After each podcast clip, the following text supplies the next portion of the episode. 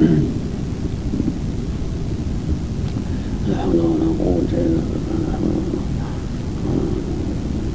بالله بسم الله الرحمن الرحيم.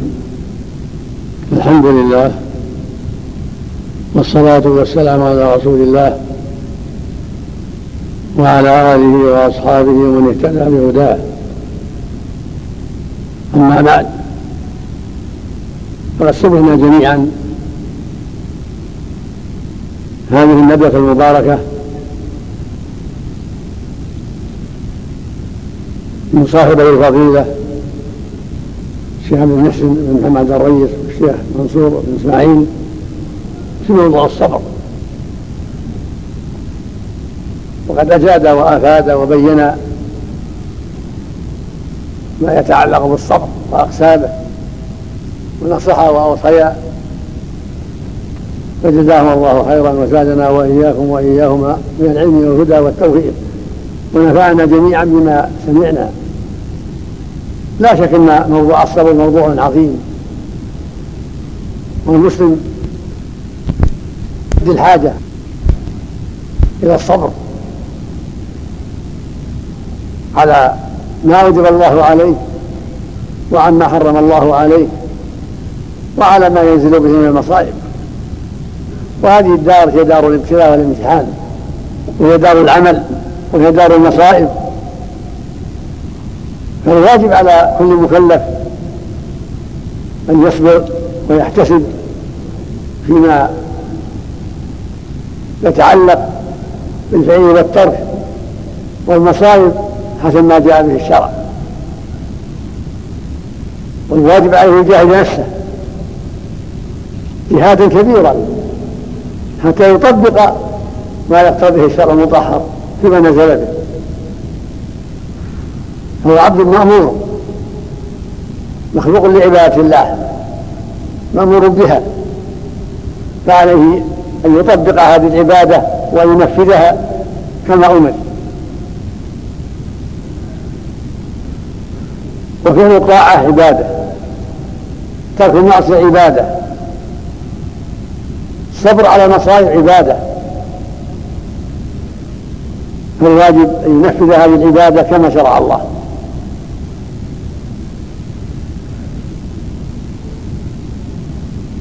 وسمعتم أن الصبر أنواع ثلاثة كما هو واضح.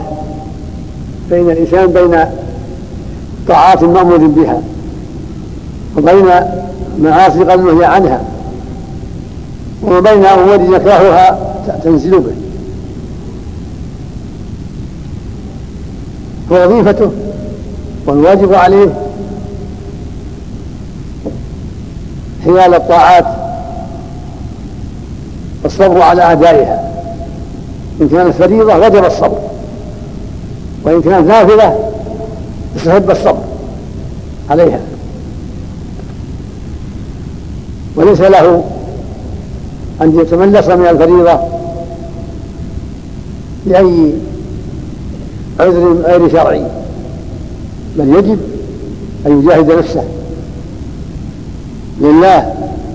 لأن عبد مأمور مخلوق للعبادة. فيجب عليه أن يجاهد نفسه حتى يؤدي الواجب. ولا يفرط في شيء منه إلا بإذن شرعي.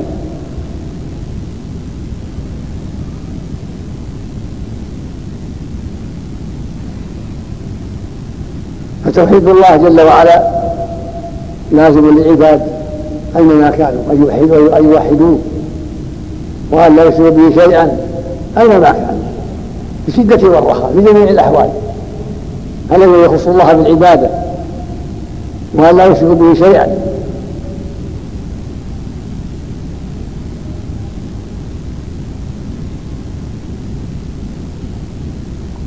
ولو أصابهم ما أصابهم في ذلك من الأذى.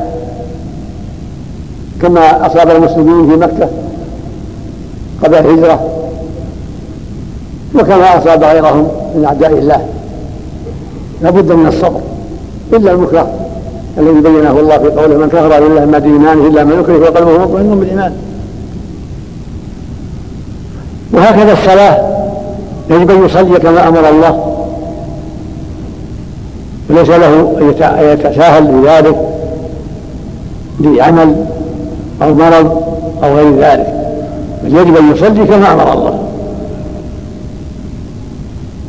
لأنها فرض عليه وهي عمود الإسلام.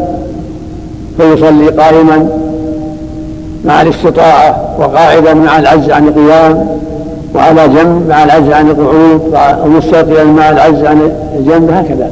فاتقوا الله ما استطعتم. لا بد من أداء الواجب. كما شرع الله. والله سبحانه أرحم بنا من أمهاتنا. هو الرحمن الرحيم.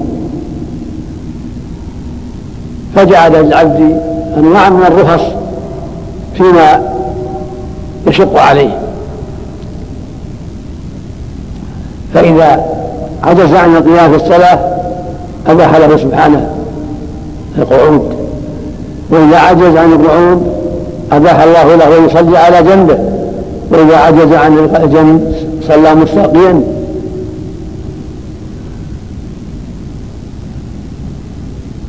يقول وينوي أعمال الصلاة قولا ونية وهكذا الصوم. إذا عجز عن صوم رمضان أو الكفارات جعل له بذلك فرجا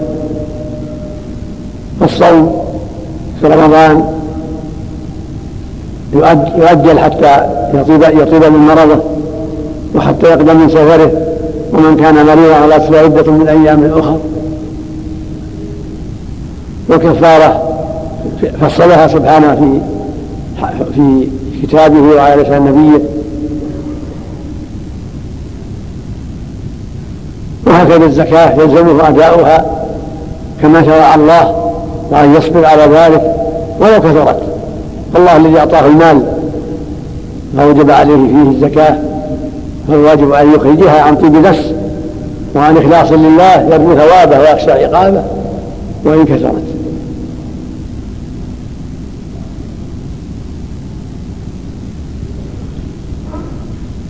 لكن إذا لم يحضر المال فله رخصة حتى يحضر المال. إذا كان هناك مانع إذا كان هناك مانع من إخراجها لكونه سجيا لم يستطع أن يخرج الزكاة ولم يوكل إخراجها عذر حتى يتمكن من إخراجها بنفسه أو وكيله. إذا كان المال غائبا يسعى تحت يده فله رخصة حتى يحضر المال وحتى يسعى في إحضاره وإخراج الزكاة منه إلى غير ذلك. فاتقوا الله ما استطعتم. هكذا الحج يجب عليه يحج مع الاستطاعة. وإذا عجز فالله جل وعلا لم يكلفه مع العجز بل قال من استطاع إليه سبيلا. هكذا الإنفاق على والديه وعلى زوجته وعلى أهل بيته.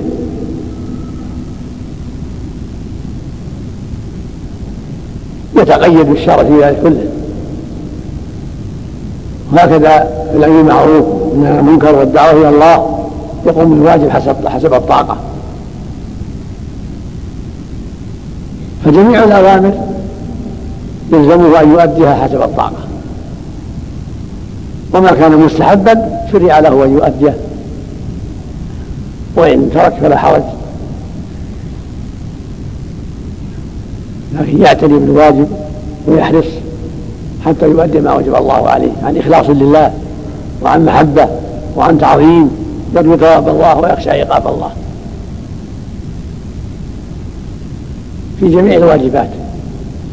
وهكذا أكل الحلال وتحري الحلال وطلب الكسب الحلال. يجتهد في أن يحصل على الكسب الحلال. ويبتعد عن الكسب الحرام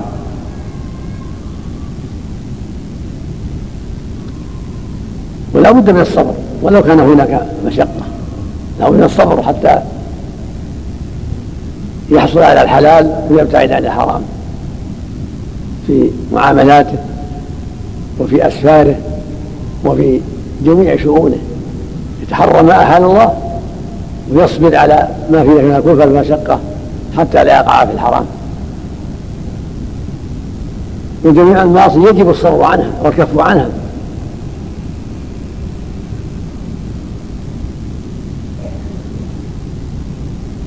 ولا يجوز له أن يطاوع نفسه الأمارة بالسوء أو جلساء السوء أو قريب أو صديق بل يجب الحذر طاعة الله وتعظيما لأمره وتحذيرا وتعظيما لنهيه.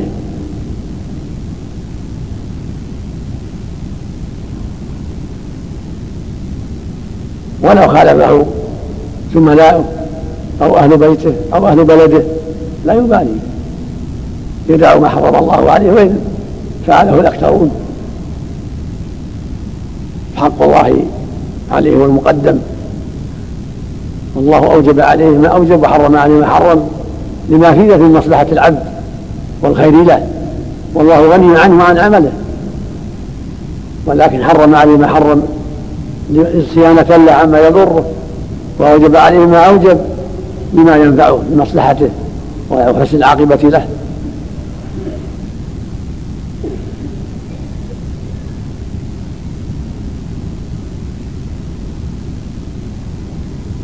فليس له أن يشرب الخمر أو يعمل بالربا أو يظلم الناس من أجل فلان أو فلان.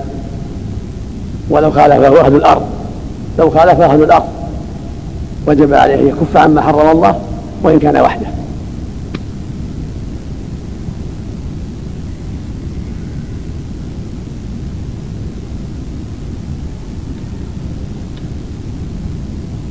ولهذا يقول جل وعلا قل أطيعوا الله وأطيعوا الرسول فإن تولوا فإن علم عليه ما حملوا وعليكم ما حملتم. وإن تطيعوه تهتدوا وما على الرسول إلا البلاغ المبين. ويقول جل وعلا وما آتاكم الرسول فخذوه وما نهاكم عنه فانتهوا واتقوا الله إن الله شديد العقاب.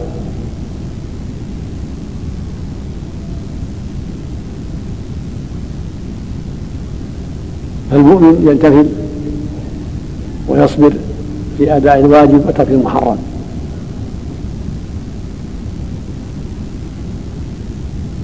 ومع ذلك يبذل وسعه في الاستكثار من الخيرات والأعمال الصالحات وإن كانت غير واجبة حتى يكون من السابقين من المقربين.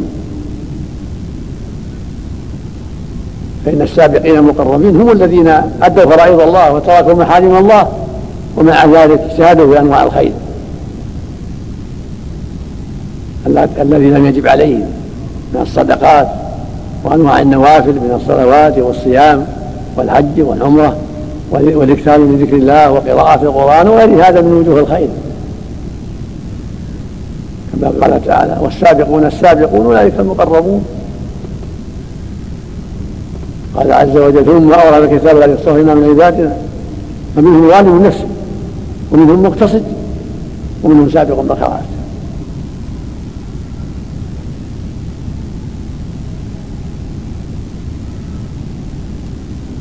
وهكذا المصائب التي تصيب العبد من الأمراض والجراحات والفقر وغير ذلك من أنواع المصائب يجب الصبر. لا يجزع ولا يتعاطى الأعمال المنكرة. ولهذا يقول عليه الصلاة والسلام ليس منا من ضرب الخدود أو شق الجيوب أو دعا بدعوى الجاهليه يعني إن مصيبة. صلى الله عليه وسلم أنا بريء من الصالقة والحالقه والشاقة. الصالقة التي ترفع صوتها عند مصيبه والحالقه تحلق شعرها عند مصيبه والشاقة تشق ثوبها عند مصيبه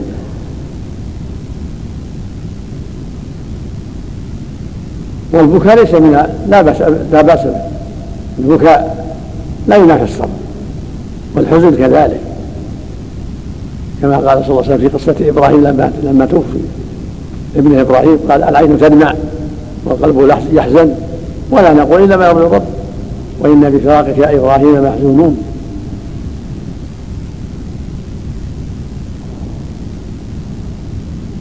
فالإنسان يصبر لله عند مصيبة من مرض أو موت قريب أو جراحات جراحات أو غير هذا مما يصيبه ما يكره. يرجو ثواب الله ويخشى عقاب الله. يعلم أن ربه حكيم عليم وأنه يقدر ما يقدر حكم بالغة. كل شيء علم وحكمة فهو صابر محتسب ليس متسخط على ربه ولا سيء الظن بالله بل حسن الظن بالله. فلا يلطم هدا ولا يشق ثوبا ولا يفعل ما لا ينبغي من افعال المنكره ولا يتكلم بما لا ينبغي. وليس من الجزع كونه يقول هذا المرض شديد أو ورأساه أو رجلاه أو هذا يوم حار أو شديد البرد ليس هذا لا بأس بهذا.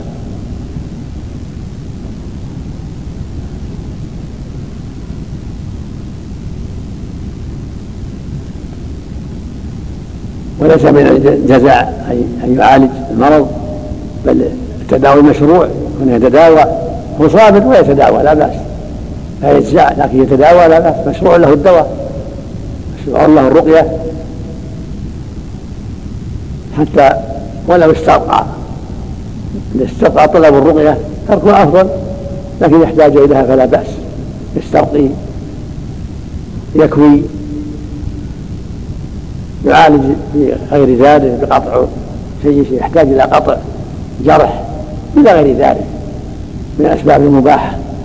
لا تنافي الصبر. كن يتعاطى الادويه المباحة. ليس ليس هذا منافيا للصبر.